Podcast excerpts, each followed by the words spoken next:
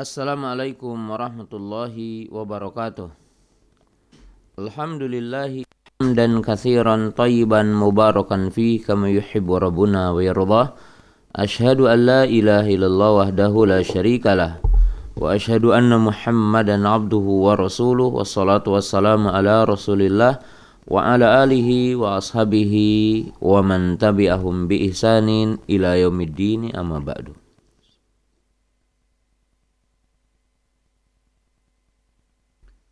Kaum muslimin, sahabat Riyadul Jannah di mana saja berada. Alhamdulillah pada kesempatan pagi yang berbahagia ini dengan izin dan kudrat dari Allah Subhanahu wa taala kita dapat berjumpa kembali dalam ya kajian pagi di mana kita membahas kitab Bulughul Maram yang dikarang yaitu hadis-hadis seputar hukum yang dikarang oleh Al Imam Ibnu Hajar Al-Asqalani rahimahullahu taala dan kita akan membahas pada kesempatan pagi hari ini bab yang khusus kita melewati beberapa bab dengan sesuatu kebutuhan apa yang akan datang. Itu babu salatil idaini, bab yang menjelaskan salat al-idaini. Termasuk di sini tentunya berkaitan dengan Al-Idan, yaitu dua hari raya. Jadi berkaitan dengan dua hari raya. Ya. Kaum muslimin, sahabat Riyadul Jannah yang dirahmati Allah Subhanahu wa taala, tentunya bab ini adalah bab juga yang sangat dibutuhkan oleh kita di mana kaum muslimin harus memahami tentang dua hari raya dan sholat dua hari raya dan bagaimana kita juga seorang mukmin e, beribadah pada hari-hari tersebut ya. Di sini ada dua kalimat itu sholatun wal idain yaitu sholat dua hari raya. Nah kita akan jelaskan dulu al-id apa yang dinamakan dengan hari raya. Al-id yang zamannya adalah ayat dan dinamai dengan Aid sebagaimana dikatakan oleh para ulama seperti Al-Imam Ibnu Faris sebagai ahlu lughah Qala wa yumkinu an yuqala annahu ya'udu kula amin. Jadi dinamakan dengan Aid karena kembali dalam setiap tahun. Al-Imam Ibnu Al-Arabi dalam kitabnya Lisan Arab beliau berkata wasumiyal idu idan li'annahu ya'udu kulla sanatin mujaddadin. Dinamakan dengan Aid karena dia kembali dalam setiap tahun dengan kegembiraan yang baru. Ini dari sisi makna ya Qala al-Imam Syaukani rahimahullahu taala al-idu mushtaqun min al-audi. Wa kullu 'idin ya'udu bis sururi. Dan Imam Asy-Syaukani rahimahullahu taala berkata, Al-Aid itu mushtaq dari kalimat al-aud. Maka setiap yang kembali dengan kegembiraan itu dinamakan dengan Aid. Wal muradu bil idaini sedangkan yang dimaksud dengan dua hari raya adalah Idul Fitri wa Idul Adha. Dan yang dimaksud dengan dua hari raya adalah Idul Fitri dan Idul Adha. Wa Idul Fitri wa awalu min yaumi syawal yani idun min ramadan wa huwa awalu min yaumi syawal wa idul adha yani yaumul adha wa huwa al yaum al ashir min dil hijjah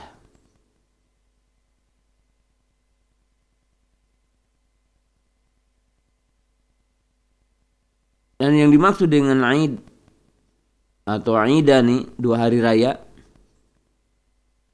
adalah Idul Fitri dari Ramadan yaitu awal dari bulan Syawal.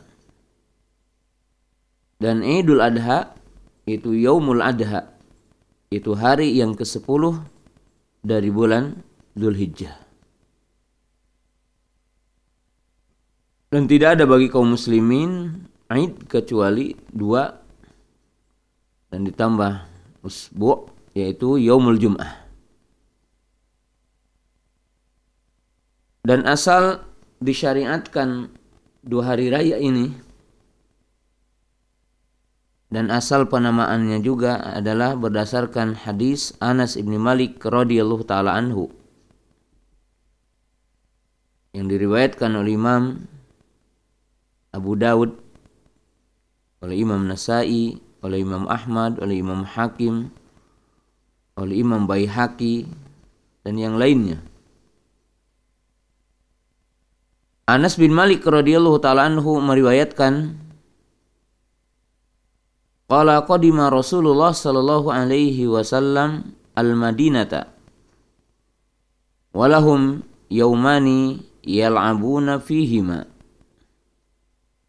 Faqala Nabi sallallahu alaihi wasallam ma hadani al-yawman. Qalu kunna nal'abu fihima fi jahiliyah. Qala Rasulullah sallallahu alaihi wasallam Inna Allah qad abdalakum khairan minhuma yaumal adha wa yaumal fitri. Jadi ini adalah asal dari disyariatkannya dua hari raya dan asal penamaan dengan dua hari raya al-aidan. Dua hari raya itu Idul Fitri dan Idul Adha. Itu dalam hadis Anas ibnu Malik radhiyallahu taala anhu bahwa ketika Nabi Shallallahu alaihi wasallam berhijrah datang ke Madinah maka bagi orang-orang Madinah itu dikenal dengan orang-orang Ansor ya yang masuk Islamnya. Dan ahlu Madinah mungkin secara keseluruhan waktu itu. Ya umani abu nafihima dua hari mereka yang menunjukkan kesenangan bermain. Dan di sini salah satunya juga mereka punya kebiasaan bermain ketentaraan. Ya. bermain ketentaraan Waqala ma hadzani Lalu Nabi SAW bertanya kepada mereka, ya, ada apa di dua hari ini? Dan apa yang mereka lakukan pada dua hari ini? Kalau kunna nal'abu fihima fi jahiliyah. Lalu mereka mengatakan dua hari ini kami artinya bersenang-senang bermain pada dua hari ini yaitu pada masa jahiliyah. Berarti di sini adalah Idul Jahiliyah itu hari raya jahiliyah. Faqala Rasulullah sallallahu alaihi wasallam maka Nabi SAW berkata Innallaha qad abdalakum khairam minhuma. Sesungguhnya Allah telah mengganti untuk keduanya yang lebih baik dari keduanya. Yaumal adha wa yaumal fitri yaitu dengan mengsyariatkan Idul Adha dan Idul Fitri.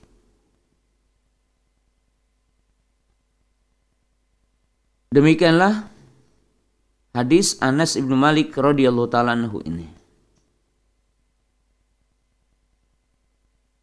Bahwa ketika Nabi SAW berhijrah ke Madinah atau baru datang ke Madinah, maka beliau mendapatkan apa yang beliau dapatkan dari apa-apa kebiasaan ahlul Madinah,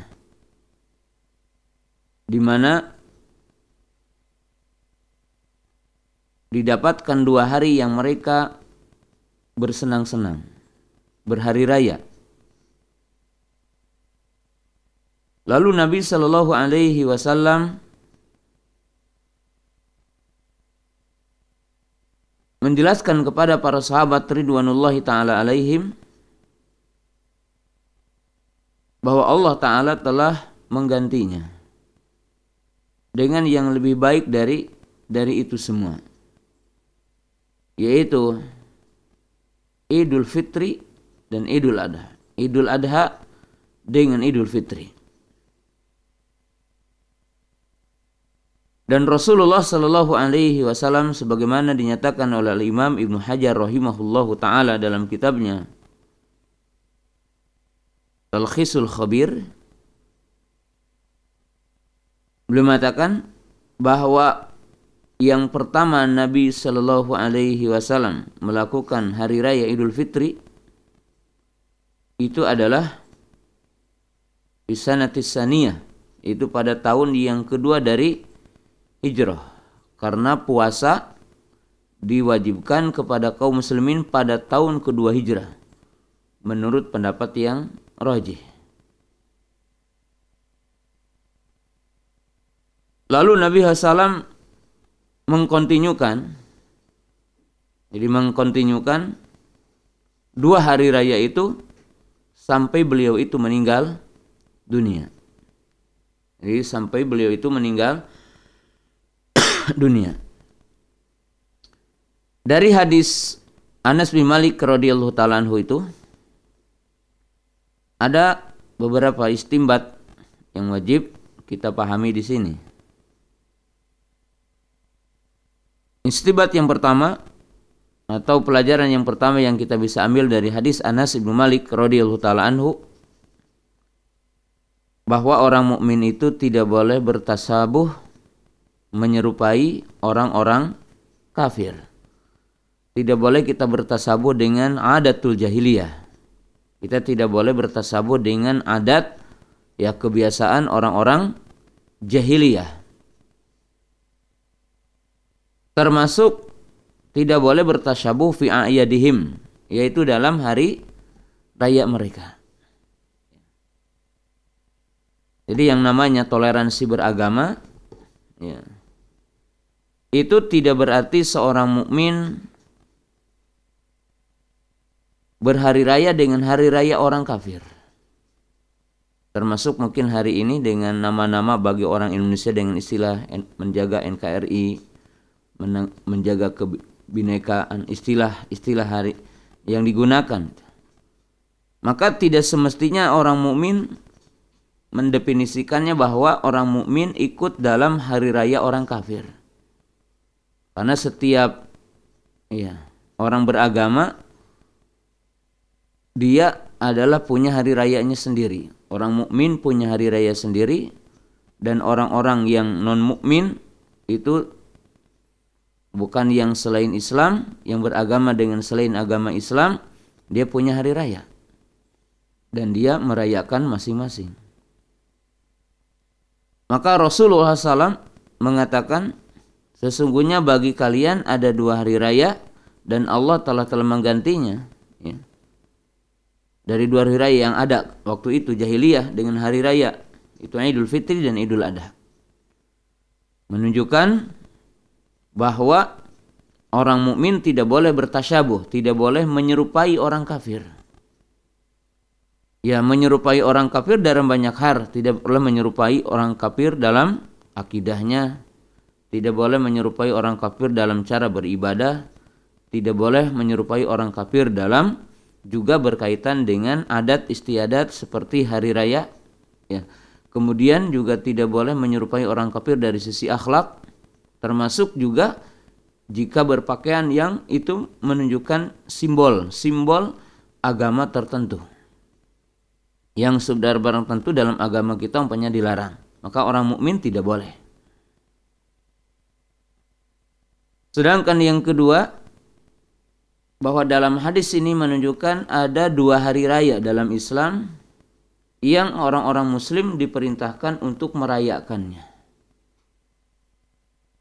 Merayakan dengan apa? Tentunya dengan apa yang kita akan bahas dengan ibadah. Kemudian dengan menunjukkan kegembiraan.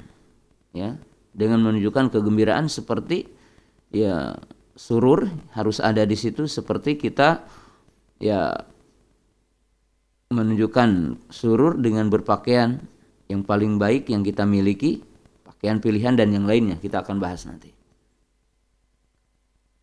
Kemudian kaum muslimin jamaah yang dirahmati Allah Subhanahu wa taala bahwa dua hari raya ini yaitu Idul Fitri dan Idul Adha munasabat dengan perkara-perkara yang agung dan hikmah-hikmah yang sangat agung. Seperti tentunya adalah Idul Fitri. Di mana Idul Fitri adalah berkaitan dengan akhir dari ibadah yang sangat agung yaitu puasa yaitu saum Ramadan puasa Ramadan yang mana Allah Subhanahu wa taala mensyariatkan banyak syariat di bulan Ramadan mensyariatkan banyak perintah di bulan Ramadan di mana bulan Ramadan adalah bulan magfirah bulan rahmah itqaminan nar Maka diakhiri dengan Idul Fitri. Yang di situ adalah hari kegembiraan. Karena tentunya orang mukmin bergembira telah menunaikan ibadah kepada Allah taala telah mampu menunaikan bentuk-bentuk taat kepada Allah Subhanahu wa taala. Maka selayaknya diakhiri dengan kegembiraan, surur.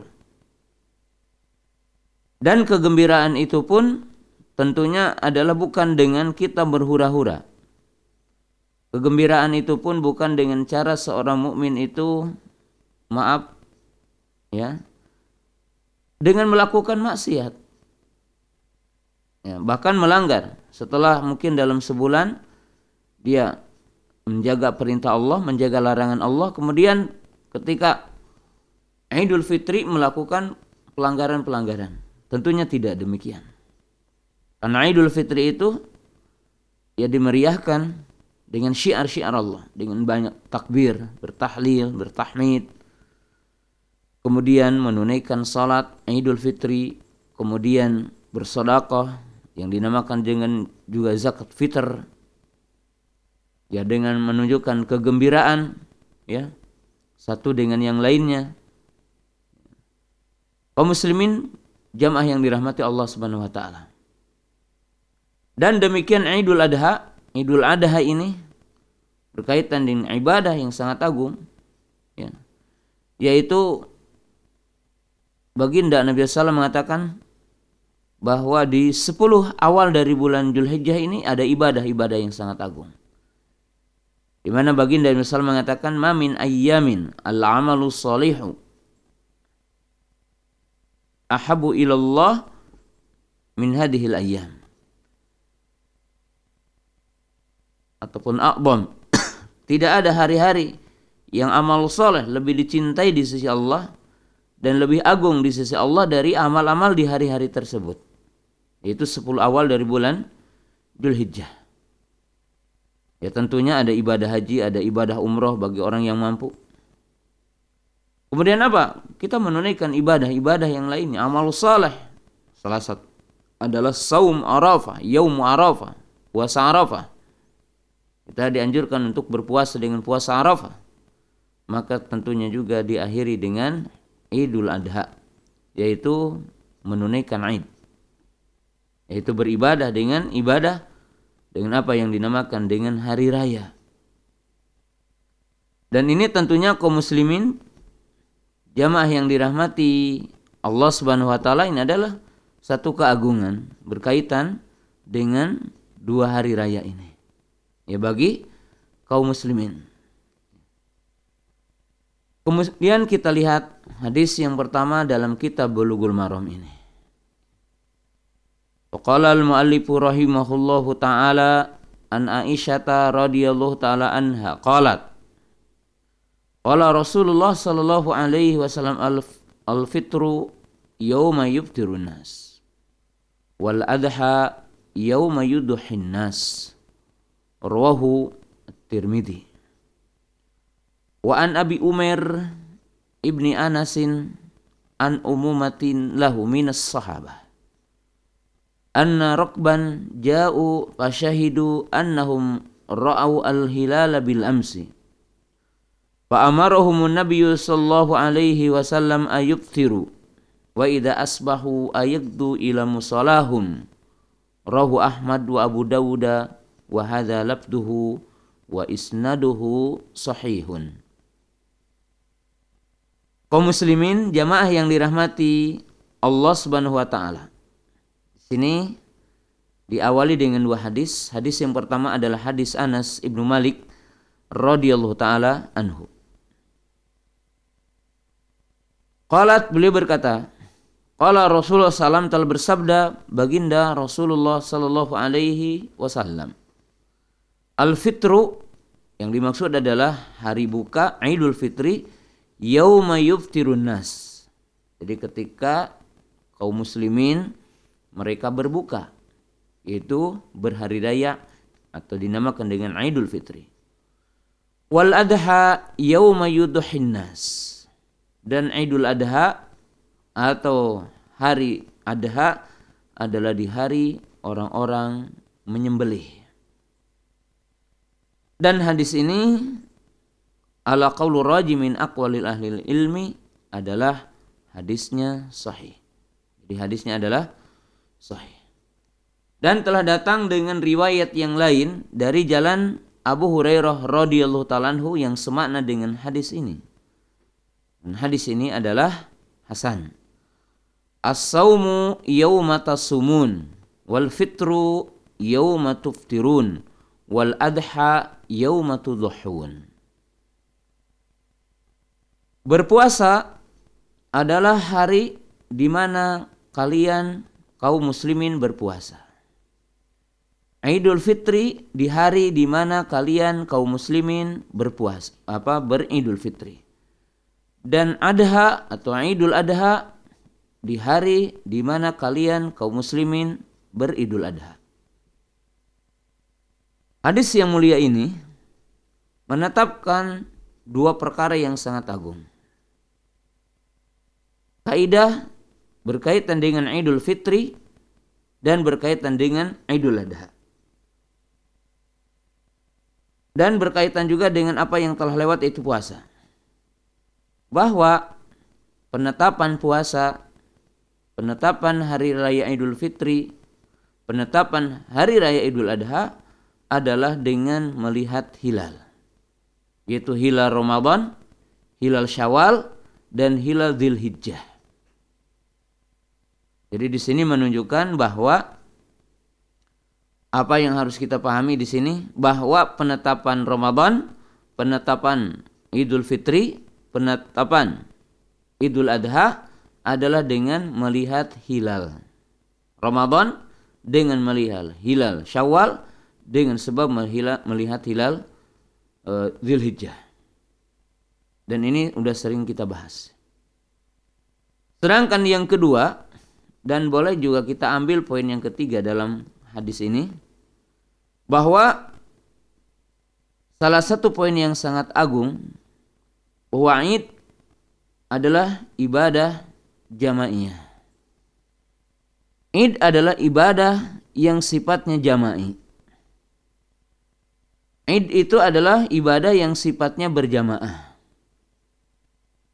Dalam arti di sini ketika Nabi SAW mengatakan al fitru yauma yubtirunas wal adha yauma tudhahun. Al fitru yauma yubtirunas wal adha yauma yudhahinnas ibadah yang di sini kita bersatu.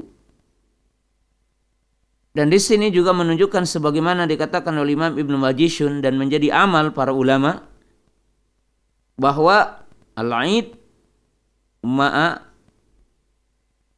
al-jamaah ay ma'amiril mu'minin.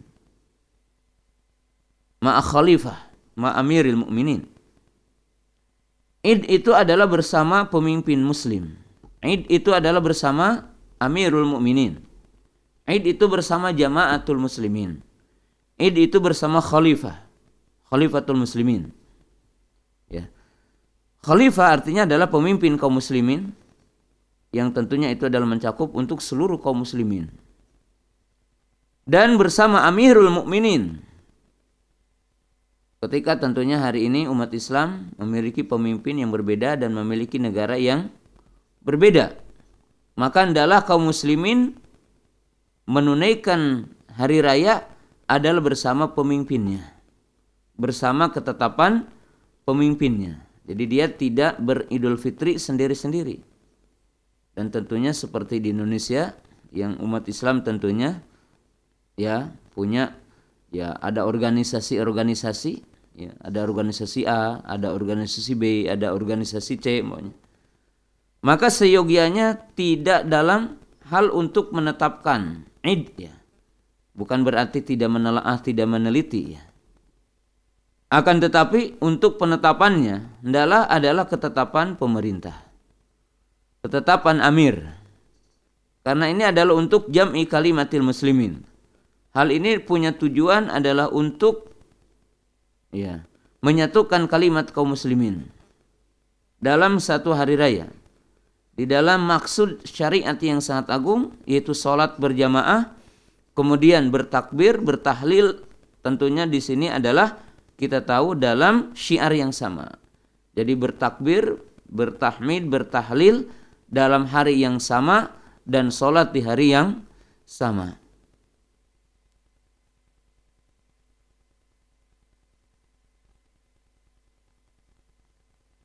Dan ini sunnah.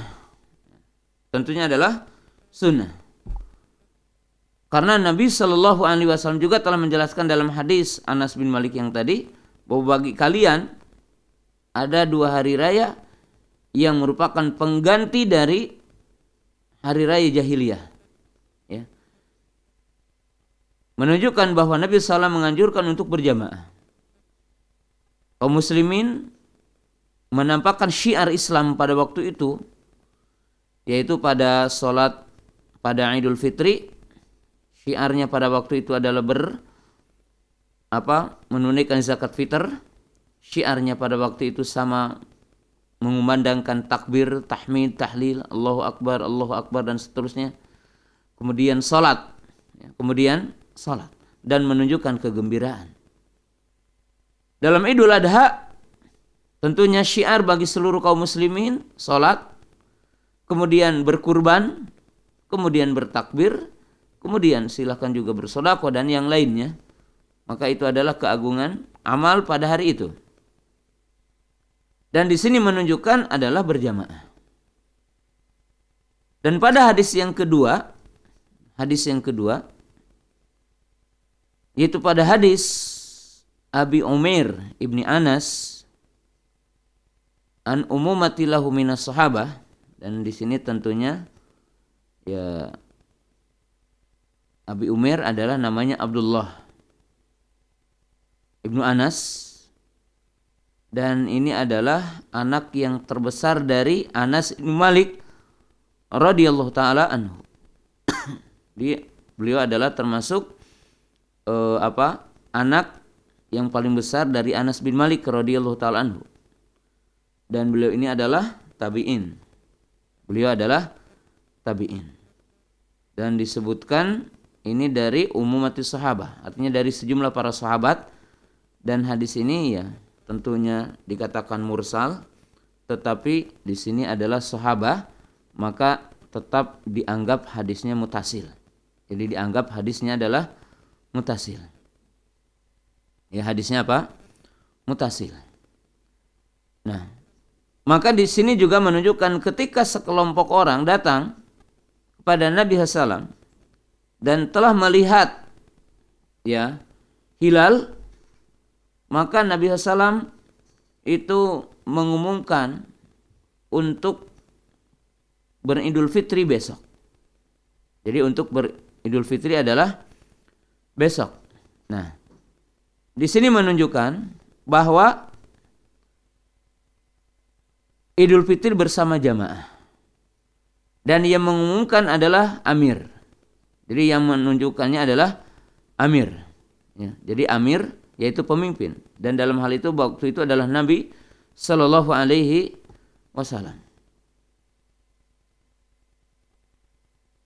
Dan di sini juga menunjukkan bahwa apabila orang yang memberitakan melihat hilal itu dapat diterima oleh amir, maka telah wajib kaum muslimin setelah itu untuk berbuka. Artinya telah dibolehkan baginya adalah berbuka. Di sini menunjukkan apabila ada yang melihat lalu diterima kesaksiannya oleh amir. Dan menurut kebanyakan para ulama bahwa apabila seseorang melihat hilal lalu bersaksi di depan kodi dan tidak diakui oleh kodi, ya tidak diakuinya apa? Ya ada latar belakang tentunya. Ima orang ini tidak dianggap sebagai ahlinya, tidak capable gitu dalam ilmu ru'yat, dalam ilmu hisab dan ru'yat, dia bukan orang dan tidak dikenal. Atau mungkin diragukan kesaksiannya, lalu tidak diterima, maka seyogianya dia pun tidak id sendiri. Jadi dia tidak id sendiri, tetapi adalah id bersama jamaah. Jadi hendaklah dia id bersama jamaah dan ini berdasarkan juga hadis yang tadi. Ya. Jadi kaum muslimin jamaah yang dirahmati Allah taala di sini menunjukkan bahwa adabnya bahwa bagi orang yang melihat sendiri lalu dia mempersaksikan artinya dia bersaksi di depan hakim, di depan qadi atau di depan amir tentang kesaksian dia. Lalu tidak diterima. Ya Ya tidak diterima punya sebab tadi. Karena tentunya punya kaidah. Ima orang ini tidak dianggap punya keahlian, ya artinya tidak dianggap profesional orang itu. Atau karena diketahui orang ini, maaf, ya sering berdusta umpamanya, atau pernah berdusta, sehingga tidak diterima kesaksiannya oleh hakim, maka tidak puasa sendiri dan tentunya mungkin ada orang yang melihat juga dalam arti melihat dia bersaksi juga tidak akan saum. Tetapi saum atau idul fitri atau idul adha adalah bersama kaum muslimin bersama jamaah. Jadi tidak tidak kejadian ada orang sholat cuma bertiga gitu ya dia menyelisihi kaum muslimin. Seperti dalam idul fitri kemarin ya di mana pemerintah kita menetapkan bahwa e, puasa adalah 29 hari dan telah melihat di beberapa tempat e, apa hilal dan diterima kesaksiannya. Lalu ada beberapa orang yang menganggap bahwa menurut hisab ya belum kelihatan atau ya ini ada ukuran sendiri bahwa sekian e, derajat harus baru bisa dikatakan melihat. Lalu dia sholat sendiri, maka ini menyelisihi sunnah menyelisihi sunnah. Karena id itu adalah ibadah jamaiyah. Yaitu ibadah yang disunnahkan disyariatkan apa? Berjamaah. Kemudian di dalam hadis ini diambil kesimpulan juga oleh para ulama yaitu apabila seseorang mendapatkan berita tentang hari raya jadi mendapatkan berita tentang hari raya mendapatkan berita tentang hari raya Tentunya ini bisa dibagi kepada tiga bagian. Jadi bisa dibagi kepada tiga bagian. Bagian yang pertama, apabila kita dapat berita di malamnya, artinya e, di hari sebelum sholat. Pokoknya kita dapat berita jam 10 malam, dapat berita mungkin sebelum subuh bahwa besok adalah hari raya maka tentunya wajib atas kita untuk berhari di, di hari itu dan atas kaum muslimin untuk berhari raya di hari itu. Yang kedua, apabila dia mendapatkan berita di hari raya tapi sebelum tergelincir matahari. Jadi sebelum tergelincir matahari. Contoh kita dapat berita jam 7 atau jam 8 bahwa ini adalah hari raya. Ya, mungkin kita di kampung ya tidak ada berita, ya mungkin satu ketika radionya tidak ada, kemudian televisi berbeda dengan sekarang. Tapi itu mungkin terjadi di mana? Di mana saja bisa terjadi. Bagaimana? Maka Allah alam baginya adalah untuk sholat di hari itu walaupun agak terlambat. Kenapa? Karena waktu hari raya itu, waktu sholat itu dari mulai matahari terbit dan tinggi sekitar satu tumbak sampai sebelum tergelincirnya matahari. Maka itu adalah waktu sholat Idul Fitri ataupun waktu sholat Idul Adha. Menurut pendapat yang roji. Ini menurut pendapat yang roji. Nah, dan apabila dia tidak mendapatkan berjamaah, artinya tidak mendapatkan jamaah, maka tidak mengapa dia sholat sendiri. Walaupun kita tahu tadi bahwa sholat Idul Fitri adalah sholat jamaah, itu asalnya. Tapi apabila kita kesiangan, tidak mendapatkan jamaah, ya ima kita kesiangan atau baru tahu bahwa hari raya hari itu. Maka kalau kita ada satu kampung, maka kita sholat berjamaah. Tapi kalau kita tidak satu kampung atau bukan kelompok, kita sendiri e, kesiangan tahu bahwa itu hari raya, maka boleh sholat sendirian.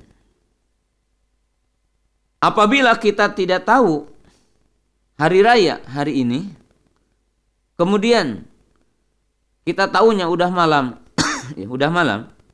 Ya, ternyata kita udah sehari baru tahu bahwa hari raya udah hari raya kemarin. Dan kita baru harus tahu hari ini umpamanya. Maka kaum muslimin, pemirsa yang dirahmati Allah Subhanahu wa taala, para pendengar yang dirahmati Allah Subhanahu wa taala, maka di sini sebagian para ulama mengatakan dia sholat walaupun besoknya. Jadi dia sholat adalah besoknya. Yaitu sholat besoknya di waktu Idul Fitri. Artinya di waktu sholat. Jadi waktu sholat. Dan ini adalah pendapat yang dinisbatkan kepada Imam Abu Hanifah rahimahullah taala dan Imam Ahmad dan Ishaq ibnu Rohawai rahimahullah taala. Al Imam Syafi'i berkata, "In udila syahidani qabla zawali sallu al id." Wa in adala ba'da zawali lam yusallu yawm yawmum ba'da zawal walal god wa qala Malik tusalli idza dhahaba waqtuha. Ya, idza dhahaba waqtuha. Jadi di sini menunjukkan apabila kita tidak mendapatkan hari itu dan kita tahu ya terlambat sehingga tidak mendapatkan waktu sholat Id. Maka di sini pendapat Imam Abu Hanifah pendapat Imam Ahmad dan pendapat Ishak ibnu Horohawai bahwa dia adalah sholat setelahnya. Artinya walaupun besoknya di waktu Id itu. Dan Imam Syafi'i rahimahullahu taala berkata ya beliau mengatakan apabila dia mendapatkan berita sebelum tergelincir matahari, maka dia sholat ketika itu. Karena masih dalam waktunya. Ya. Dan apabila setelah tergelincir matahari, artinya udah pergi waktunya, maka tidak sholat di hari itu, juga tidak sholat besoknya. Jadi tidak sholat apa? Besoknya. Ini adalah pendapat Imam Ash-Syafi'i rahimahullahu taala. Ini adalah pendapat Imam Asy-Syafi'i rahimahullahu taala. Ya. Jadi di sini ada dua dua pendapat bagi orang yang tidak mendapatkan berita tentang hari raya di hari tersebut. Nah, kaum muslimin, para pendengar yang dirahmati Allah Subhanahu wa taala, ini adalah pelajaran pada hadis yang pertama tentang berkaitan dengan uh, Idul Fitri dengan Idul Adha dan tentunya kita akan berkaitan dengan Idul Adha pada kesempatan hari ini ataupun nanti kita akan berhadapan dengan Idul Adha. Tetapi di sini kita ambil kesimpulan bahwa penetapan Idul Adha sama seperti penetapan penetapan Idul Fitri, yaitu dengan melihat hilal di awal bulan Julhijjah. Sehingga kita tahu tanggal 9-nya, kita tahu tanggal 10-nya yang merupakan khususan ibadah yaitu e, puasa Arafah, kemudian uh, sholat Idul Adha. Kemudian yang kedua bahwa kita tahu bahwa Idul Adha ini juga merupakan ibadah jama'i yang tentunya kita berjamaah dan tentunya penetapan 10 Zulhijjah juga ditetapkan dengan penetapan pemerintah ya. Kemudian sholatnya berjamaah dan tadi dijelaskan barang siapa yang tidak mengetahui di hari itu maka tentunya e, di sini barang siapa yang tahu e, berita masih dalam waktunya maka sholat ima kalau berjamaah berjamaah kalau dia tidak berjamaah maka dia sholat sendiri dan apabila dia tahu setelah pergi waktu sholatnya Maka di sini ada dua pendapat. Pendapat yang pertama yang mengatakan sholat besoknya, yaitu pendapat Imam Abu Hanifah, pendapat Imam Ahmad, dan pendapat Ishaq ibnu Rohawai. Sedangkan pendapat yang kedua adalah e, pendapat Imam Syafi'i rahimahullah taala yang mengatakan tidak lagi sholat. Dan pendapat yang kuat, Allah alam dalam hal ini, sebagaimana dalam hadis ini, bahwa Nabi Shallallahu Alaihi Wasallam mengumumkan kepada para sahabat untuk sholat besoknya. Untuk sholat besoknya. Sehingga pendapat yang kuat adalah pendapat yang pertama. Allah Ta'ala alam. Nah, demikianlah mungkin pelajaran pertama berkaitan dengan masalah hari raya yang saya bisa sampaikan karena membuka ruang untuk pertanyaan. Baik, jazakumullahu khairan katsira khairul jaza. Kami ucapkan kepada Al-Ustaz Abu Qatadah Hafidhullah taala untuk materi yang telah disampaikan dari pembahasan kita masih dalam pembahasan hadis-hadis dari kitab Bulughul Maram dan pada pagi hari ini yang telah disampaikan oleh Ustaz dari pembahasan salat Aidain atau salat Idul Fitri dan salat Idul Adha. Untuk selanjutnya kita akan beranjak ke sesi tanya jawab. Kita akan bacakan pertanyaan dari pesan singkat lebih dahulu melalui SMS Assalamualaikum warahmatullahi wabarakatuh. Ustadz, apakah sholat hari raya di sela-sela takbir harus membaca sholawat? Dan apakah sholawat ada dalilnya kalau dibaca Ustadz secara berjamaah dari Elin di Sindang? Terima kasih. Wassalamualaikum warahmatullahi Baca sholawat ketika takbir. Takbir yang mana sholatnya? apakah sholat hari raya di sela-sela takbir harus membaca sholawat Ustadz? Takbir yang mana nih nah Ustadz? Oh ya takbir itu mungkin ya takbir yang tujuh dengan lima mungkin ya.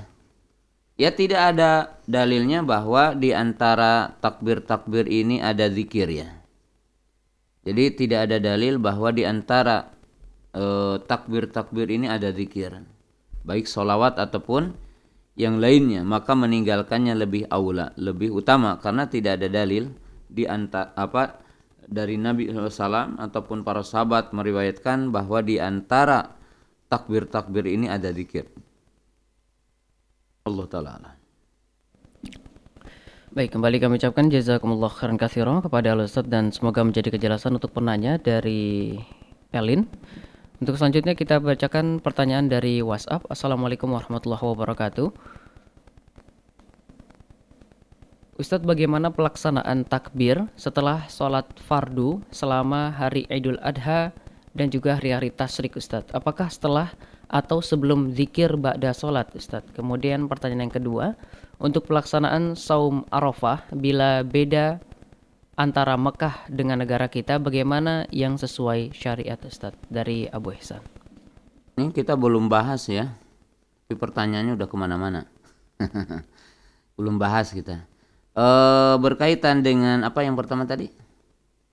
Untuk takbir ba'da takbir ba'da ba'da ya apa dalam hari tasyrik ya. Allah alam langsung setelah sholat ya dan zikir setelahnya. Allah alam. Dan yang dibaca takbirnya sama dengan takbir ya. Takbir biasa ya. Kemudian yang kedua bahwa kalau terjadi perbedaan penetapan hari Arafah antara Indonesia umpamanya dengan Saudi maka mana yang kita akan berpuasa? Allah alam kita berpuasa pada tanggal 9 Julhijjah sehingga kita e, berpuasa pada ketetapan hilal yang kita lihat di Indonesia Allah alam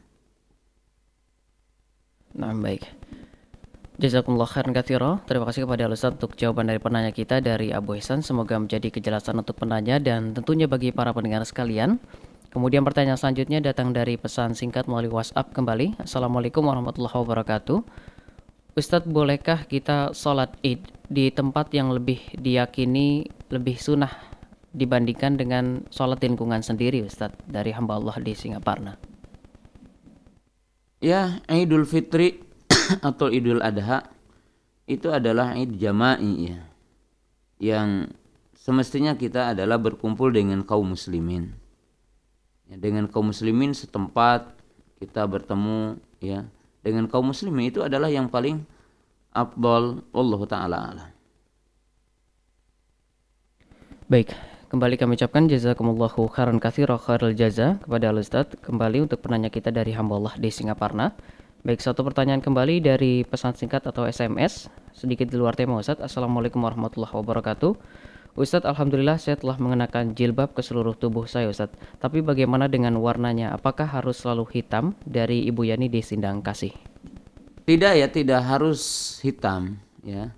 Akan tetapi ya sebagaimana dikatakan oleh para ulama bahwa pakaian itu tidak boleh ya sebagai fitnah, sebagai zina. Zina itu sesuatu yang tentunya uh, yang menyebabkan fitnah dari sisi warnanya itu gitu. ya karena tentunya warna itu bagi warna untuk pakaian ya ada warna yang menamakan syuhroh mungkin pakaian yang syuhroh syuhroh itu pakaian yang menyelisihi kaumnya. Yang kedua dari sisi warnanya ya. Tetapi tentunya warna ya yang lebih dicintai bagi wanita ya warna yang tidak terlalu mencolok gitu ya warna coklat, biru dongker dan yang lainnya. Tetapi tidak ada dalil yang menunjukkan bahwa warna harus hitam ya. Jadi warna harus harus hitam. Walaupun mungkin tentunya ada dalam hadis-hadis bahwa ketika turun surah Al-Ahzab ya ayat 59 maka wanita-wanita itu kalgurob bagikan burung-burung gagak yang menunjukkan bahwa mereka menutup seluruh wajahnya dan mereka itu adalah berpakaian dengan pakaian yang hitam. Tapi tidak mesti harus hitam. Wallahu taala Baik, kembali kami ucapkan jazakumullahu khairan katsira. Terima kasih kepada Al untuk satu jawaban dari Ibu Yani di Mangkubumi. Semoga menjadi kejelasan untuk penanya dan bagi para pendengar sekalian. Baik, pertanyaan kembali. Bismillah. Assalamualaikum warahmatullahi wabarakatuh, Ustadz.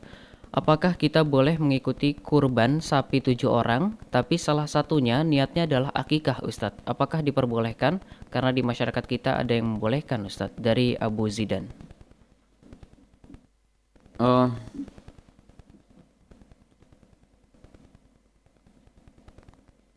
kalau tujuh sapi ya? Enam Ustadz. Yang uh, satunya adalah berniat untuk akikah.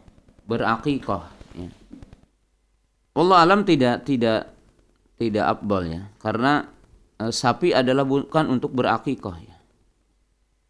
Berakikoh sunnahnya adalah dengan kambing. Jadi berakikoh sunnahnya adalah dengan kambing. Maka orang yang meniatkan sapi untuk berakikoh itu tidak tidak sesuai dengan sunnah ya. Menyelisihi sunnah. Allah taala alam. Tapi bagi yang enam orang berkurban sah baginya ya. Tapi yang dia ber, uh, apa uh, ikut dalam sapi lalu dia meniatkan akikoh maka itu tidak sesuai dengan sunnah karena sunnah untuk berakikoh adalah dengan kambing yang diajarkan oleh baginda Nabi Shallallahu Alaihi Wasallam. Baik, terima kasih kembali kepada Al Ustaz untuk satu jawaban dari penanya kita dari uh, WhatsApp. Kemudian pertanyaan selanjutnya datang dari pertanyaan WhatsApp kembali. Assalamualaikum warahmatullahi wabarakatuh. Ustadz masih dalam uh, pembahasan mungkin hari raya Ustadz. Apakah boleh dalam Islam mengucapkan selamat ulang tahun Ustadz? Terima kasih dari Aji di Mangkubumi. Tahniah tidak ada kecuali dalam tahniah Hari Raya Idul Fitri ataupun Hari Raya Idul Adha. Tahniah. Ya, Tahniah. Ya, Tidak ada tahniah ya apa selamat apa lahir ya. Tidak ada Allah Taala alam dalam Islam